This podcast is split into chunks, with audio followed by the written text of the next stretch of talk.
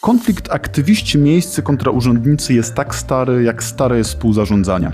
Aktywni mieszkańcy chcą szybkiego rozwiązywania miejskich problemów i zarzucają urzędnikom imposybilizm, brak wyobraźni, czy nawet czasami kolesiostwo. Z drugiej strony urzędnicy zwykle bronią się zawiłymi, długotrwałymi procedurami i oskarżają aktywistów o zwyczajny brak znajomości meandrów administracji i nawet czasami populizm. Ciekawy przykład takiego konfliktu możemy zaobserwować obecnie w stolicy Małopolski. Park Bednarskiego to najważniejszy teren zielony dla całego południowego Krakowa. Od 20 lat nieremontowany, był częstym przedmiotem krytyki mieszkańców. Miasto w końcu znalazło pieniądze i przeprowadziło procedurę planowania remontu. W ostatnich tygodniach stało się to przedmiotem najgorętszego sporu krakowskiego sezonu ogórkowego. Aktywiści rozpoczęli protest, zarzucając miastu brak uwzględniania ich potrzeb, czyli m.in. zamknięcie parku na dwa lata remontu, ogrodzenie skał barierkami, budownie siłowni plenerowej, czy docelowe zamykanie terenów na noc. Kto w tym konflikcie ma rację? Czy ten konflikt może być przyczynkiem do bardziej generalnej rozmowy na temat roli aktywistów i administracyjnych procedur, którym sprostać muszą urzędnicy? Ja nazywam się Karol Wałachowski i w dzisiejszym Międzymiastowo porozmawiam z Kasią Pilitowską, jedną z liderek protestu, członkinią akcji ratunkowej dla Krakowa. Międzymiastowo.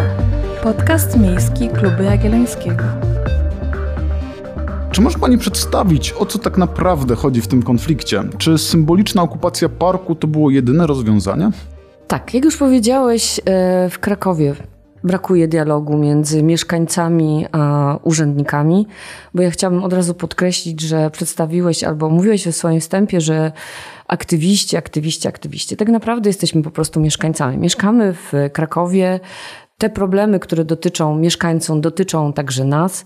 E, myślę też, że aktywista stał się takim, taką personą non grata, także jak się mówi aktywista, to wiadomo, że to jest człowiek, nie wiem, nieobliczalny, którym zależy tylko na sianiu niepokoju, jest przede wszystkim może pieniaczem i w ogóle, że my jako aktywiści staliśmy się właśnie takim archetypem niezadowolonego wiecznie Polaka, e, niezadowolonego mieszkańca i w ogóle całym złem e, tego, tego miasta. A tymczasem uważam, że jesteśmy my, aktywiści, dawniej nazywani społecznikami, jesteśmy potrzebni, tak jak potrzebni są, nie wiem, obrońcy praw mniejszości czy feministki, po to, żeby, żebyśmy działali i działali jako taki, wiesz, hamulec bezpieczeństwa w pociągu, który się zaciąga w miarę potrzeby. A tymczasem zamiast być e, solą tej ziemi, jesteśmy solą w oku zarządu Zieleni Miejskiej. Chciałabym, żeby to się zmieniło, bo uważam, że, mm, że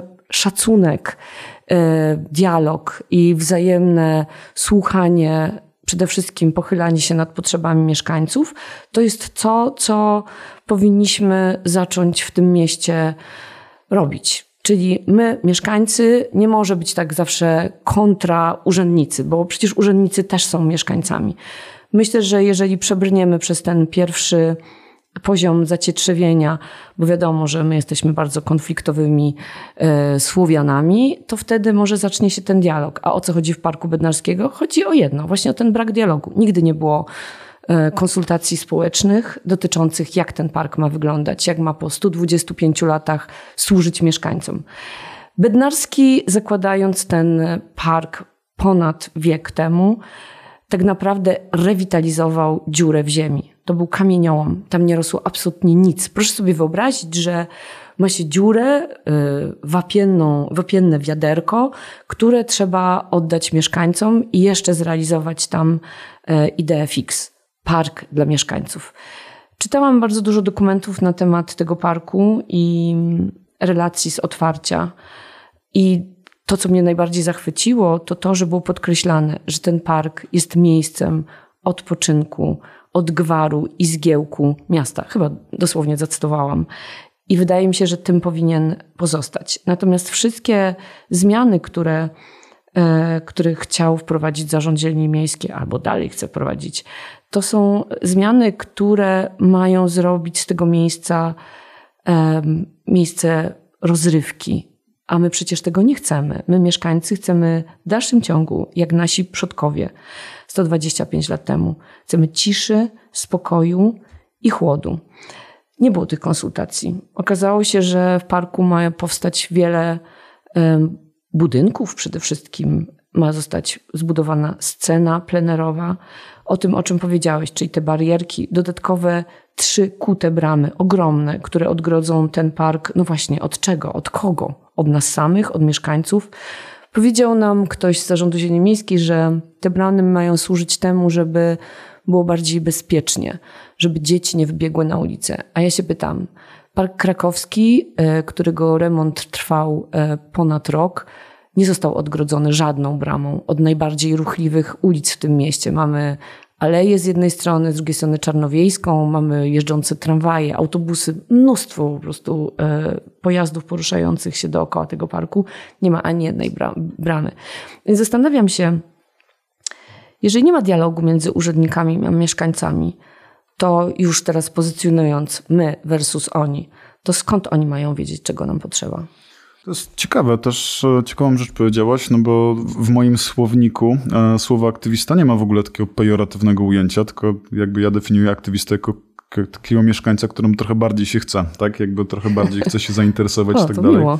A, więc to jest też ciekawe, pewnie też to w jakich bańkach funkcjonujemy medialnych i tak dalej, to pewnie no, te, te, te słowa zależą.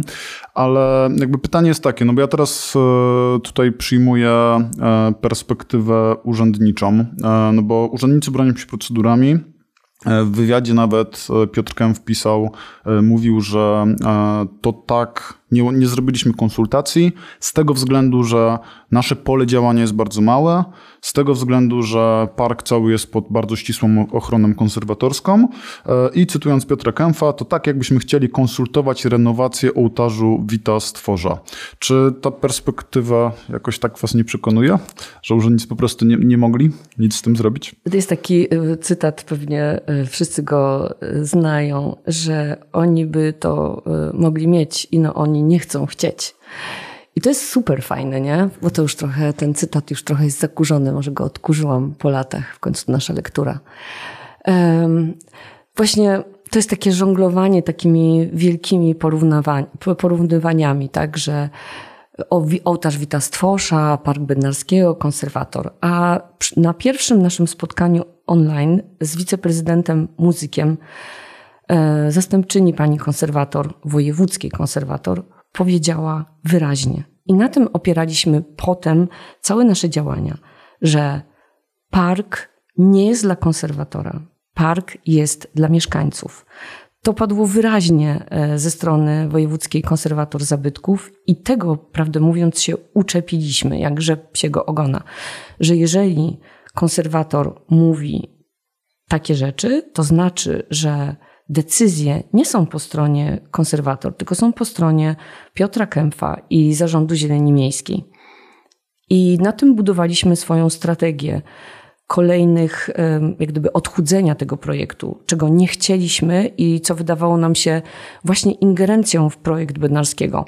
Bo tutaj wyciągamy jak królika z kapelusza praprawnuka Wojciecha Bednarskiego, czyli Wojciecha Tadeusza Bednarskiego, który poparł nasz protest i stał się tak naprawdę ikoną tego protestu, ponieważ napisał po prostu pod naszym postem na Facebooku żywię ogromny szacunek dla was, mieszkańców, którzy bronicie idei mojego prapradziadka. Gdyby prapradziadek chciał mieć te wszystkie budynki i sceny, to by miał ponieważ jak potem się okazało w rozmowach niezwykle interesujących, zresztą w czasie okupacji były aż dwa spotkania e, z Wojtkiem Bednarskim, powiedział, że miał ogromne wsparcie w rodzinie. Miał bardzo bogate rodzeństwo, które wspierało jego szalone pomysły, kupowało właściwie co chciał. Chcesz drzewo? Dobra, kupimy ci drzewo. Chcesz jakieś kwiatki? To kwiatki. A potem wspierały go wnuki. I to znowu było takie zielone światło dla naszych działań bo właśnie od samego początku widzisz, właśnie taki przekaz, przekaz był podawany mieszkańcom. Chcemy, żeby ten park odzyskał dawną świetność i przywracamy mu status sprzed 125 lat, czyli chcemy, żeby był taki, takim parkiem, jakim wymarzył go sobie, czy może zaprojektował Wojciech Bednarski. A to jest nieprawda. Nigdy nie było punktu widokowego, takiego jak, e, jak jest teraz w projekcie. Nigdy nie było altany widokowej. Nigdy nie było sceny, nigdy nie było barierek i nigdy nie było dodatkowych bram. 1965 roku w tym parku pojawiły się nowe schody. To są te schody od strony ulicy Zamojskiego. Więc gdyby rzeczywiście nawet w tamtych latach ktoś chciał zadbać o nasze bezpieczeństwo, naszych mieszkańców, to po prostu postawiłby tę, tę bramę, tak samo jak od ulicy Parkowej. Wracając do tego projektu i do Bednarskiego. Właśnie, to wmawianie nam, że ten park będzie taki jak za jego czasów jest bzdurą, z absurdem. To była dziura w ziemi. A jedynym budynkiem, który tam został jak gdyby dobudowany, to była altana, zresztą drewniana, dlatego nie uchowała się być może do dziś. I była to altana, która mniej więcej była w tym miejscu, gdzie jest obecnie plac zabaw i która spełniała bardzo fajną funkcję. A mianowicie było to muszla koncertowa. Tam odbywały się koncerty, przedstawienia, jak powiedział Wojtek Bednarski, a w czasie deszczu ludzie mieli się gdzie schronić. I w porządku, mogłaby ta altana stanąć w tym miejscu, gdyby nie to, że tam już jest budynek, ponieważ e, neoklasycystyczna glorietta, która obecnie tam się znajduje i która ma być wyremontowana i powiększona, ma w planach Zarządu Zieleni Miejskiej spełniać właśnie tę rolę, którą spełniała 125 lat temu Altana, czyli będzie miejscem koncertowym. Więc po co nam dodatkowe dwa budynki? I jeszcze wmawia nam się, że one tam były, podczas gdy ich w ogóle nie było. Więc zastanówmy się może nad tym, co mnie najbardziej i protestujących mieszkańców uderza. Może po prostu Zarząd Zieleni Miejskiej nie korzysta z tego parku. No tak, też e, patrząc tego porównania do tego ołtarzu Vitas Tworzat, też widzę tutaj pewną nieścisłość, bo po tym wywiadzie i po protestach e, ZZM, czyli Zarząd Zieleni Miejskiej, wyszedł z pewnym kompromisem, czyli okazało się, że jednak ma jakiś tam wpływ na te rzeczy. E, czyli między innymi w tym nowym projekcie anulował wycinkę drzew, który był w pierwotnym, przeprowadził analizę skał, aby usunąć te barierki, jakby analizę, czy które zagrażają, które nie zagrażają tam, gdzie trzeba dać te barierki, które nie trzeba. Pytanie, czemu, czemu tego nie było zrobionego wcześniej.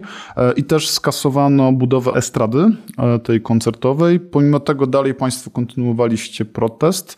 E, dlaczego w ogóle, co musiałby zrobić ZZM, żebyście się Państwo, żebyście przerwali Państwo protest? A to jest ciekawe pytanie, bo to nie jest do mnie pytanie.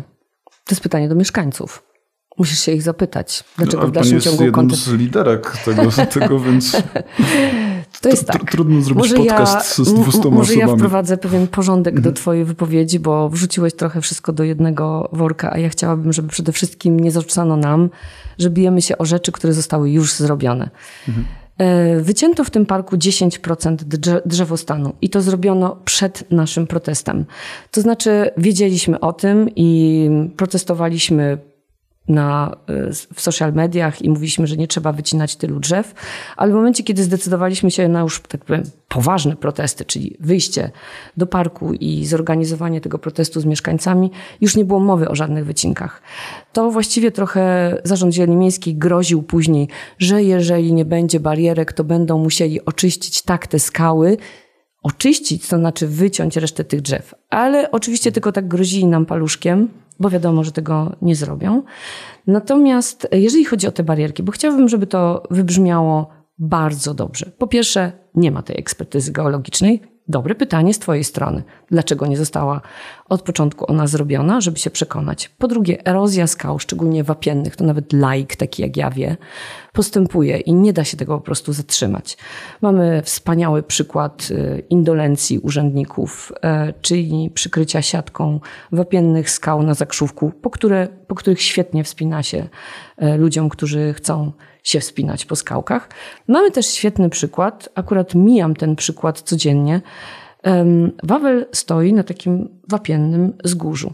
Jest e, za smokiem jest taka idealna ściana wapienna, po której e, z, naprawdę z wielką rozkoszą, e, i też mnie to trochę przeraża, wspinają się dorośli i dzieci.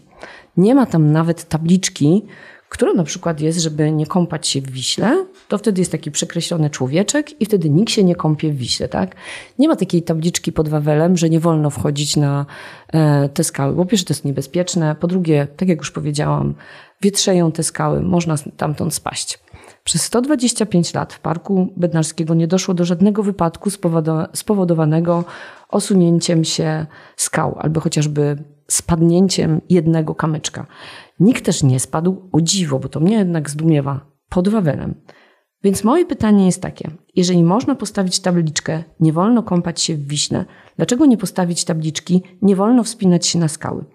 Pojechaliśmy, żeby zobaczyć, jak rewitalizowane są takie miejsca jak kamieniołomy.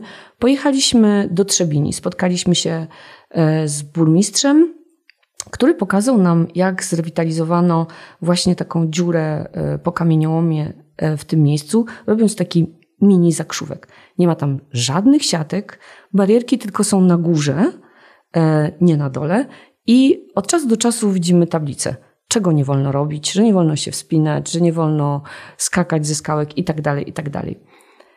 My, jak już powiedziałam, zadziorni, konfliktowi i nieposłuszni Słowianie, nie lubimy, jak się nam czegoś zakazuje. W związku z tym, wszystko jedno, co tam postawimy, czy to zasiadkujemy, czy usuniemy wszystkie drzewa, czy postawimy tam tablice, czy barierki. Ten, kto będzie chciał spiąć się na skałę, na pewno to zrobi. Ale my, mieszkańcy, nie musimy mieć tych barierek. Poza tym, uwaga, 320 otworów, które trzeba wywiercić w tym parku w tej skale. O średnicy 23 cm, o głębokości 1,10 m, po to, żeby postawić barierkę 80 cm wysoką. Czujesz absurd? Ja czuję. Na stronie ZZM można przeczytać odnośnie tego parku. W tym parku jest ponad 60 gatunków ptaków. Jak sobie myślisz, co po tych 320 odwiertach te ptaki zrobią? Ja bym zwariowała. Też nie jestem ptakiem, więc trudno jest mi powiedzieć. E, no okej, okay, tylko że ja teraz e, widzę z, z, mojej perspektywy to jest tak, że zarząd zieleni miejskiej poszedł na jakiś kompromis. Uh -uh. Nie? nie, no jednak powiedzieli, że jednak nie wybudują tej estrady, jednak jeszcze pomyślą nad tymi barierkami i tak dalej, i tak dalej.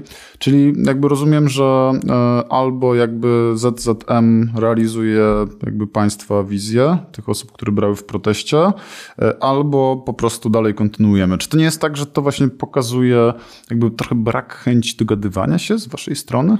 Dobrze, to może ja zacytuję Zarząd Zieleni Miejskiej, e, bo ty powiedziałeś, że zrezygnował z tej sceny plenerowej. To akurat najłatwiej jest tego zrezygnować, prawda? Bo ta scena e, to nie były, to wiesz, nie, nie wylewano tam podmurówki, tak jak ma to być w przypadku altany widokowej, czy punktu widokowego, który będzie miał jeszcze żelazne, metalowe schody biegnące od dołu parku do samej góry. To akurat była drewniana konstrukcja, tak przynajmniej czytałam. E, no oczywiście ona musiała być jakoś tam wbita w ziemię i, i jakieś tam zadaszenie z, z płótna. Ale to nie jest tak, że doszło do jakiegokolwiek kompromisu, bo to nie było tak, że ktoś nas zaprosił i powiedział tak, dobrze, to siądźmy sobie do tego okrągłego stołu i teraz tak, ja mam propozycję taką dla was. Tylko przeczytaliśmy na Facebooku, że Zarząd Zieleni Miejskiej planuje rozważenie częściowej rezygnacji. Dobra, to chwila ciszy, żebyście, drodzy Państwo, mogli sobie to przetłumaczyć. Dla mnie planowanie rozważenia częściowej rezygnacji to nie jest kompromis. Kompromis jest wtedy, kiedy dwie strony siadają i rozmawiają ze sobą, a nie wypisuje się takie bzdury na Facebooku. I to jeszcze na oficjalnej stronie jednostki miejskiej, która ma utrzymywać, nie wiem, kontakt z mieszkańcami, ma coś nam tłumaczyć. My jako akcja ratunkowa dla Krakowa, bo teraz już mówię jako członkini tej oddolnej inicjatywy mieszkańców, nie dostaliśmy ani jednej odpowiedzi na nasze maile po spotkaniu, po dwukrotnym spotkaniu z wiceprezydentem muzykiem, na którym pierwszej, w pierwszym, podczas pierwszego spotkania była zastępczyni wojewódzkiej konserwator zabytków, a, i za każdym razem e, był dyrektor, a raz był chyba dyrektor Kempf, a raz był dyrektor Tabor, ani razu potem, podsumow jak podsumowaliśmy te nasze spotkania i wysłaliśmy mail zarówno do wiceprezydenta, jak i do zarządu Zieleni Miejskiej, ani razu nie dostaliśmy odpowiedzi. Dobrze, drodzy mieszkańcy, drodzy aktywiści, a teraz postanowiliśmy, że przychylimy się do Waszych postulatów, i tutaj następuje jakaś wyliczanka rzeczy, które zostaną uwzględnione w naszych protestów. Dlatego zdecydowaliśmy się nie powiedziałabym nawet na, na krok ostateczny, bo jeszcze ostatecznego zdania nie powiedzieliśmy jako mieszkańcy, ale zdecydowaliśmy się na pokojową okupację Parku Bednarskiego, mm, bo chcieliśmy w ten sposób zamanifestować z jednej strony to, że ten park taki jaki jest, naprawdę służy znakomicie mieszkańcom.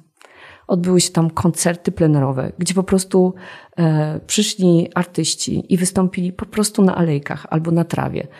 E, zorganizowaliśmy wspaniałe gry i zabawy, spacery ornitologiczne, właśnie między innymi spacery geologiczne, spacery detektywistyczne, bo odkrywaliśmy tajniki, nie wiem jak to powiedzieć, sekrety, legendy o Twardowskim. Także na przykład, nie wiem czy pamiętasz, ale w tym planie są także zaplanowane trzy rzeźby e, w tym parku. Zresztą mówiąc szczerze. Twardowskiego bodajże, prawda? Twardowski, pani mhm. Twardowskiej i diabła. Muszę powiedzieć, że dość szpetne. E, I jak pytaliśmy o te rzeźby, to dostaliśmy odpowiedź, że takie rzeźby mają pobudzać dziecięcą wyobraźnię. A ja myślę, że dziecięcą wyobraźnię pobudza to, czego nie ma. Czyli to, co można sobie wyobrazić. Mam dziecko, E, jakby ktoś powiedział tak, co ono wie, nawet nie ma dziecka, mam dziecko. Wyobraźnię pobudza coś, czego nie widać, co jest ukryte, co można zobaczyć dzięki temu, że się nad czymś pochyli. Mm, takie ćwiczenie uważności u dzieci to nie jest e, to, że im się wszystko poda na tacy. A tutaj macie rzeźbę Twardowskiego, tak wyglądał Twardowski. A przecież nikt nie wie, jak wygląda Twardowski, ani jak wygląda diabeł. Ale można go poszukać. Jak był ten spacer detektywistyczny, to szukaliśmy właśnie Twardowskiego. Wyobrażaliśmy sobie, jak wygląda. Czy wystaje mu ogon, czy może wystają mu spod jakiegoś drzewa rogi. I dzieci naprawdę go szukały i prawie go znalazły. To na tym polega. Więc wydaje nam się, wracając, bo takie zawsze robię takie poematy, poematy dygresyjne. Ten protest pokazał z jednej strony, że ten park wymaga remontu, czyli żeby odświeżyć alejki, które rzeczywiście są czasami w katastrofalnym stanie, żeby zrobić nowe ławki, fajne ławki, wygodne, może nawet dwustronne, może okrągłe, e, śmietniki, bo jest ich tam w dalszym ciągu za mało. I koniecznie, koniecznie zbudować toaletę, bo tego naprawdę brakuje i to jest zaplanowane. Nigdy też nie byliśmy przeciwni mm, siłowni na świeżym powietrzu, ponieważ to trochę jest tak, że był, to był projekt z budżetu obywatelskiego chyba sprzed dwóch lat i nie został zrealizowany w Parku Bednarskiego, został zrealizowany też w Podgórzu na plantach Nowackiego, czyli niedaleko, ale ta obecnie planowana siłownia jest nieco dalej, bo ona jest trochę tak jakby pod budynkiem telewizji e, na krzemionkach, więc ona w ogóle nam nie przeszkadza. Zresztą koło mnie są dwie siłownie i zawsze ktoś tam ćwiczy. Ja nie mam z tym jakiegoś problemu. W sensie nigdy to nie było jakimś punktem naszych postulatów. E, a z drugiej strony okazało się, że przyszło tak strasznie dużo mieszkańców i każdy z nich miał jakąś historię. Wszystko jedno, ile miał lat. Był taki cudowny pan, który przynosił nam kilka razy dziennie kawę i herbatę. Mm, bo my tam rzeczywiście nocowaliśmy. Ja tam nocowałam pod namiotem. Och jak było pięknie, latały świetniki. I powiedział tak, pamiętam moją mamę, jak siadywała, jak jeszcze ta glorietta była w dobrym stanie i przynosiły sobie z koleżanką serwis porcelanowy i piły tam kawę w tej glorietcie i paliły papierosy w lówkach, bo wydawało mi się, że to jest takie super eleganckie. I to było takie naprawdę wzruszające. Zresztą na naszym filmie, który nakręciliśmy, nie wiem czy oglądałeś, można go oglądać, drodzy Państwo, są wypowiedzi mieszkańców i oni mówią dokładnie, czego im potrzeba. Wystarczy tego posłuchać. Tak, bo temat pomników w Krakowie jest szczególnie żywy. Chyba to jest o, tak. E, tak. temat zdecydowanie na e, kolejną audycję. E, przejdźmy może teraz z poziomu stricte protestu na bardziej takie generalne rzeczy, które mhm. mogą też dotyczyć słuchaczy w innych miastach. No bo czy wiem, że pani też angażuje się w inne różne społeczne aktywności. Czy czuje się pani podmiotowo traktowana? jako aktywistka, teraz nie pejoratywnie. E, jaka powinna być rola w ogóle aktywistów? Czy co mógłby zrobić urząd? Co musiałoby się zmienić z perspektywy Urzędu Miasta, żeby właśnie jakoś zdecydowanie lepiej państwa zaangażowanie e, wykorzystywać? Wiem, że duży temat. To jest duży temat. Myślę, że już to powiedziałam, ale może jeszcze raz to powtórzę, bo nawet sobie to zanotowałam, żeby tego nie zapomnieć powiedzieć, że to jest tak, że można by to skwitować tak naprawdę takimi dwoma zdaniami, że jeżeli będziemy się wzajemnie szanowani i nie traktowali swoich poglądów e, czy innych perspektyw e, jako, e, jako atak, to wtedy będzie możliwy dialog między oboma stronami.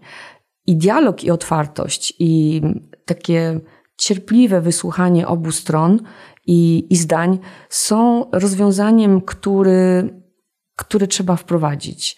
A do tego potrzebne, są, potrzebne jest też wprowadzenie procedur, bo o tym też rozmawialiśmy, tak? Były konsultacje społeczne, nie było konsultacji. Zarząd Zielony Miejski twierdził, że były, bo to była, nie wiem, jakaś wystawa na stulecie tego parku, czy 120-lecie. Kiedy są potrzebne te konsultacje? Kiedy na przykład robić te ankiety? Bo myśmy zrobili mm, ankiety w internecie, E, które wypełniło 1370 mieszkańców. To chyba też było zarzewie konfliktu, bo to była tylko opinia 14%, 14% e, mieszkańców Krakowa. Tak, tak. i ktoś od razu napisał, a ile osób e, popiera ten projekt, tak? I to jest właśnie takie, widzisz, właśnie to jest takie oko za oko, ząb za ząb. I nie ma tego dialogu, bo co to znaczy, że my jesteśmy tylko przeanalizowałem w związku z tym, że aktywista to jest też taki człowiek, który jednak cały czas szuka tych argumentów. Żeby znaleźć te argumenty, to musi przegrzebać cały internet. Więc wiesz, nasze życie wygląda tak, że wracamy z pracy do domu, mamy jeszcze, większość z nas ma rodziny, dzieci, a potem siadamy do tego komputera i przeczesujemy ten internet, żeby znaleźć potem argumenty w rozmowie z drugą stroną. I okazało się, że nigdy takie konsultacje nie przekraczają jakiegoś magicznego pułapu tysiąca osób. Większość tych konsultacji, która została zrobiona nawet online, to były właśnie tak gdzieś 800, 500, tysiąc osób. Budżety, projekty obywatelskie są na przykład bardziej popierane, tak? Bo głosuj, na przykład na Park na Karmelickiej to było kilka tysięcy. Na mój projekt było E, dzielnicowych było chyba 2800. Więc to jest, to jest już naprawdę dużo, że dużo osób głosuje w tych projektach e, w budżecie obywatelskim. Ale gdyby chcieć tak wszystkie podsumować, to okazuje się, że procedowane są projekty, które mają jeszcze mniejszą popieralność przez społeczeństwo, bo my w dalszym ciągu je budujemy, budujemy to społeczeństwo obywatelskie, a nic tak nie buduje tego społeczeństwa jak dialog. Y, I odpowiadając na to pytanie, że jesteśmy tylko 0,14. No nie, ja nazywam się Kasia Pilitowska, jestem mieszkanką tego miasta. Ja nie jestem procentem. Okej, okay. E, czyli co mógłby zrobić urząd, żeby poprawić te deficyty? Rozumiem tutaj procedury, procedury czyli proste zasady, tak? Tak, Rozumiem. proste okay. zasady. Kiedy robimy te, mhm. dlaczego żeśmy nie zrobili? Co jest, tak naprawdę jest uchwała Rady Miasta, która mówi wyraźnie, jak wyglądają konsultacje społeczne. I to nie jest zapytanie na Facebooku, Halko, co myślicie na ten temat? To jest procedura i ona powinna być wykonana od początku do końca. Dlaczego tak się nie stało w tym przypadku? Dlatego, że ktoś powiedział, to jest zabytkowy park. Kropka. A dlaczego zabytkowy park, y, który służy mieszkańcom, w którym, wiesz, no nie ma y, ołtarza, witastwosza, nie ma tam jakiegoś nie wiadomo jakiego y, zabytku typu kościół czy kapliczka chociażby, tam tak naprawdę nie ma nic. Będzie pomnik Twardowskiego. To może A, nie, nie, nie, nie, Też zastanawiam się z takiej też szerszej perspektywy, no to obserwując inne miasta, to mam wrażenie, że są w sumie dwa podejścia. Czyli pierwsze takie podejście bardziej staromodne w miastach, to znaczy konsultacja jako zagrożenie, czyli jako ktoś, ktoś mi się wpycha, mi prezydentowi do władzy i ja w sumie powinienem jakoś tam marginalizować. No albo drugie podejście pod tytułem wykorzystajmy jakoś tych mieszkańców, bo oni mogą dużo więcej wiedzieć niż my. E, oni mają jakąś tam energię, inną perspektywę i tak dalej, więc może jakoś tam spróbujmy ich zaangażować. E, więc teraz przejdźmy może do tej perspektywy stricte urzędniczej. E, co według pani, czy, czy to jest tak, że w ogóle aktywiści są najwspanialsi na świecie i w ogóle więcej wspaniałych rzeczy nie mogliby zrobić? Czy są jakieś aspekty, w których aktywiści mogliby się poprawić, zmienić jakieś tam swoje działania, aby być zwyczajnie bardziej przydatnym z perspektywy miasta. No bo ja osobiście rozumiem ten argument, że często urzędnicy narzekają, że w sumie oni mają związane ręce, procedurami i gdyby aktywiści znali te procedury i wiedzieli w jakich uwarunkowaniach oni, e, ci urzędnicy funkcjonują, no to byłoby zdecydowanie łatwiej. Więc co mogliby zmienić e, aktywiści? Dobre pytanie, to jest same dobre pytanie. To może ja najpierw powiem e, to, co już chyba też powiedziałam, że my aktywiści naprawdę jesteśmy bardzo wyedukowani, jeżeli chodzi o procedury. Między nami są ludzie, którzy cały czas, tak jak powiedziałam już, szukają tej wiedzy w internecie. Są też byli urzędnicy, ja właściwie jestem byłą urzędniczką e, i doskonale wiemy, kiedy urzędnik ma związane ręce, a kiedy nie. Więc jeżeli zarząd zieleni miejskiej mówi, dobra, uwzględnimy wasze wasze postulaty w jakiejś tam części, ale najpierw podpiszemy umowę z wykonawcą, to my mówimy, o nie, nie, bo nie będziemy potem, bo potem się tam mówi, a to potem napiszemy aneks. Więc nawet jeżeli nie masz zielonego pojęcia, jak to wszystko w tym świecie działa, to sobie myślisz, ej, Jestem człowiekiem, który wytar- wy- wygrał przetarg. Mam dostać od miasta 20 milionów na remont parku bednarskiego. I teraz ktoś mi podsuwa jakiś papierek, w którym mówi tak, no to teraz podpiszemy aneks, że właściwie ten park nie będzie kosztował 20 milionów, tylko 6 milionów i w związku z tym musi pan jako wykonawca zrezygnować z tego, z tego, z tego, z tego. A ja tak, jak to? Że już ruszyłem wszystko. Może już nawet zrobiłem jakieś, e, jakieś rozeznania, włożyłem, e, włożyłem w to dużo pracy, a teraz mi się mówi, że nie zarobię mm, 10 milionów, tylko zarobię 2 miliony, e, więc to tak nie działa. To tak, że można było wpisać e, w, w ten proces przetargowy, że park nie ma być zamknięty na dwa lata. Można było, bo my to wiemy jako aktywiści, że można było to wpisać, ale zarząd ziemi miejskiej pozostawił to w gestii wykonawcy. Dlaczego? E, nie ma takich aneksów, które zmieniają projekty. Te projekty trzeba zmienić teraz, póki nie jest. E, my o ten park walczymy od ponad dwóch lat. Ktoś nam powie, o, dwa lata, skąd byście się wzięli? Nie, my walczymy aktywnie o ten park dwa lata, odkąd wiemy, w jaki sposób ma zostać zrewitalizowany. Używam specjalnie tego, tego słowa, dla mnie powinien być wyremontowany. E, I my wiemy, że jeżeli nie zaczniemy walczyć o pewne rzeczy dużo, dużo wcześniej, to nie da się zmienić e, według właśnie urzędniczych procedur niczego post factum. Nie da się po prostu tego zmienić. E, mówiłeś, że udzielam się w innych sprawach. Tak. Przeważnie te sprawy przegrywamy i to muszę powiedzieć ze smutkiem, ale to nie znaczy, że nasza walka nie ma sensu, bo tak się właśnie buduje odpowiedzialność społeczną, tak się buduje społeczeństwo obywatelskie, tak się wciąga w nasze szeregi ludzi, którzy chcą coś zrobić, ale nie wiem, boją się, nie mają śmiałości, albo są na przykład, nie wiem, starsi i myślą, po co komu taki stary człowiek. Mówię specjalnie o tym, że, że odnoszę się na przykład do starszych osób, bo oni mają w sobie, moim zdaniem, generalnie taką potrzebę udzielania się, ale nie bardzo wiedzą jak, bo mają bardzo dużo czasu. Ja też nie jestem najmłodsza i myślę sobie, że to moje społecznikowstwo, które wyniosłam z domu, e, Moja mama jest bardzo zaangażowana do tej pory, ma 81 lat i po prostu nigdy chyba nie widzę, jak siedzi. Zawsze coś robi, zawsze coś robi dla innych to wydaje mi się, że to powinno się naprawdę docenić i szanować. Nawet jeżeli, tak jak powiedziałeś przed chwilą w tym pytaniu, nawet jeżeli nie mamy takiej wiedzy, takiej doskonałej wiedzy, jak ma, może mają urzędnicy, to mamy ogromny zapał i ten czas, który mamy wolny, chcemy poświęcić innym, to znaczy mieszkańcom, temu miastu. I wydaje mi się, że nieskorzystanie z tak ogromnego daru, jakim my jesteśmy, aktywiści, społecznicy, ludziom, ludziom, ludzi, którym się po prostu chce coś robić, poza tym, co robią e, na co dzień, jest po prostu marnotrawstwem. Zwyczajnym marnotrawstwem. My jesteśmy dla Was, my jesteśmy dla tego miasta. My byśmy chcieli, żeby tak samo powiedzieli ci, którzy na razie uważają, że są po drugiej stronie, czyli aktywiści kontra urzędnicy.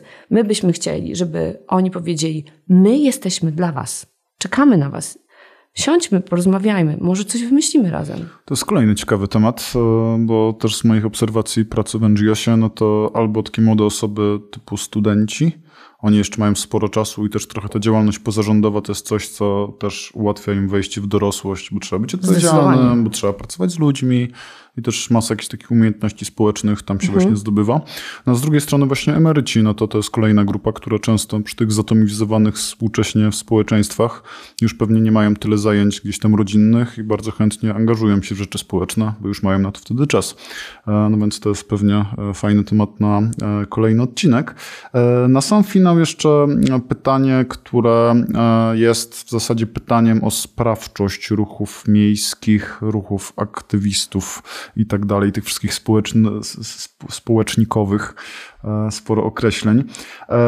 Czy z perspektywy skuteczności tych dalszych działań, czy wpychanie tak jak ja osobiście obserwowałem to, czy wpychanie betonozy w tego typu protest, czy to nie jest coś, co jest jakby kontrskuteczne? No bo w tym projekcie to nie jest taki typowy betonowy projekt, tak jak w Polsce bardzo dużo miejscach jest, w których, nie wiem, wycina się na rynku, teraz jest bardzo modne na Twitterze, cały czas są przykłady, że wycinamy na rynku 100 drzew po to, żeby wylać cały rynek betonem i tak, tak zrobimy jak w dużym mieście. E, albo, nie wiem, drogi, które się buduje zbyt duże do ruchu ulicznego i tak dalej dalej, też wycinając drzewa. Tutaj ja, ja przynajmniej, to jest moja opinia, ja tutaj nie widzę dużo betonowania. Czy, więc pytanie moje jest takie, czy długookresowo wrzucanie tego typu haseł i wrzucanie tego typu przekazu, czy to nie jest coś, co będzie sprawiać, że dla opinii publicznej i też dla urzędników aktywiści po prostu będą kojarzeni z takimi, mówiąc kolokwialnie, krzykaczami, którzy wszędzie widzą betonowanie e, i tak naprawdę będą zawsze tylko i wyłącznie e, pewną grupą protestu, e, i wtedy zakładam, że zdecydowanie łatwiej będzie uzyskać sympatię społecznie po prostu z perspektywy urzędników. Więc jak to jest z tym betonowaniem? No dobra, też już to powiedziałam, bo każdą moją wypowiedź zaczęłam od tego, to już powiedziałam.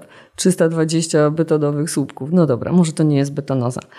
E, może dwa budynki na e, normalnie na wylanym betonie, może to też nie jest betonoza. No może ja tu tak wtrącę aktywistycznie, żeby się pochwalić swoją wiedzą, że ten przemysł cały betonowy, czyli mówiąc kolokwialnie, to ta produkcja betonu, to jest 5% e, całego tak naprawdę ocieplenia e, klimatycznego. I my tak naprawdę walczymy o ten park bednarskiego. I ty mówisz o tej betonozie, czy my o barierkozie, czy bramozie. Chodzi nam tak naprawdę o zwrócenie uwagi na bardzo ważną rzecz. O to, że ta katastrofa klimatyczna to jest fakt i my musimy to miasto już zacząć, albo nie, dawno już powinniśmy zacząć przygotowywać do tych katastrofalnych e, upałów czy burz. Przecież to się przed chwilą stało, tak? To, to się nie bierze znikąd. Jeżeli będziemy mówić, dobra, co tam te 320 betonowych słupków? To znaczy, że my nie rozumiemy do, na jakiej krawędzi stoimy. To to, że nie rozumiemy tego, że to miasto powinno mieć w budżecie tak, taki procent e, na wykup e, terenów pod parki i pod zielenie, zielone przestrzenie w tym mieście, żebyśmy rzeczywiście mogli powiedzieć, wow, jesteśmy zieloną stolicą świata, Europy, tak? A my robimy sobie z tego po prostu jaja, że uważamy, że nic się po prostu w tym Krakowie takiego złego nie dzieje. Ile procent, drodzy Państwo, przeznaczamy rocznie budżetu całego miasta na to, żeby kupić ziemię pod parki? Ile mamy kilometrów do najbliższego parku? Jeżeli zamkną ten park na dwa lata, to gdzie ci mieszkańcy będą chodzić? My cały czas mówimy o tym, że my musimy wreszcie zacząć myśleć o tym, jak przetrwać w tym mieście te upały, to wszystko, co za chwilę stanie się naszą niestety smutną codziennością. E, ja przechodzę codziennie koło e, dawniej się mówiło, rabatek, klombów, gdzie nawet już nie ma tej kory, której też nie bardzo lubimy, ale dobra, nie będzie ta kora, które są wysypane kamyczkami, żwirem. Przechodzę codziennie, ponieważ mieszkam na ulicy Krakowskiej, która została zrewitalizowana i to miało być nasze krakowskie Champs-Élysées, a jest po prostu betonową pustynią. O tym mówimy właśnie my, aktywiści i my, mieszkańcy. Zastanówmy się nad tym, jak w tym mieście przeżyć. Budujmy, nie wylewajmy betonu, tylko sadźmy drzewa, sadźmy rośliny, róbmy wszystko, co pozwoli nam zbudować w tym mieście, jak ktoś tak pięknie mówi, nie wyspy ciepła, tylko wyspy chłodu i wyspy zieleni. Już nie będziemy mówić o tym, że ile tlenu produkuje jedno stare albo młode drzewo. Jak przechodzę koło tych posadzonych drzew, które mają wymaga się o tym, żeby miały minimum 18 cm obwodu. Już się nie podaje średnicy, tylko obwód, żeby to działało bardziej na wyobraźnię. Tak, bo 20 cm średnicy to nie jest 20 cm obwodu e, tego drzewa. To sobie myślę, że ja już nie dożyję, jak to drzewo, że nie dożyję momentu, w którym będę mogła to drzewo objąć e, ramionami. Po prostu to drzewo zawsze będzie tak wyglądało. E, więc my walczymy o Park Bednarskiego, ale tak naprawdę to jest walka, nie chcę używać słowa systemu, tylko to jest walka z myśleniem o tym mieście i o tej przyrodzie, że to my musimy je sobie podporządkować, że to my musimy podporządkować przyrodę. Nie, to my musimy przyjąć rolę ludzi, którzy stawiają przyrodę na pierwszym miejscu. To my musimy się ugiąć, ukorzyć i być, jak to się tak ładnie mówi, e, być pokornymi wobec praw przyrody. Ona sobie doskonale da radę bez nas. Najlepszym na to przykładem jest Park Bednarskiego. Zobaczmy, jak przyroda zawładnęła pustą dziurą. Okej, okay, to wszystko na dziś. To dziękuję bardzo za e, rozmowę. Zachęcamy dziękuję do bardzo. E, polubienia e, profilu akcji ratunkowej dla Krakowa. Tam Państwo będziecie mogli zobaczyć wszystkie działania, które są obecnie podejmowane. No i też zachęcamy do tego aktywizmu społecznego, ale nie tego pejoratywnego, tylko tego właśnie. I wsparcie nas na Patronite. Tak, wsparcie nas na Patronite i dziękuję na dzisiaj. Bardzo dziękuję. To już wszystko na dziś. Produkcja tego odcinka została sfinansowana ze środków otrzymanych w ramach Programu Rozwoju Organizacji Obywatelskich na lata 2018-2030, których operatorem jest Narodowy Instytut Wolności Centrum Rozwoju Społeczeństwa Obywatelskiego. Pozyskany grant pozwoli nam w najbliższych 18 miesiącach rozwijać nie tylko nasz podcast, ale i inne działania w tematyce miejskiej na portalu klubjagielloński.pl. Spodziewajcie się więc kolejnych podcastów, podgłębionych artykułów, ale i spotkań i dyskusji online. Gorąco zachęcam również do dołączenia do naszego zespołu seminaryjnego. Więcej szczegółów uzyskacie pisząc do nas na Twitterze lub poprzez profile Klubu Jagiellońskiego na Facebooku czy na Instagramie. Międzymiastowo. Podcast miejski Klubu Jagiellońskiego.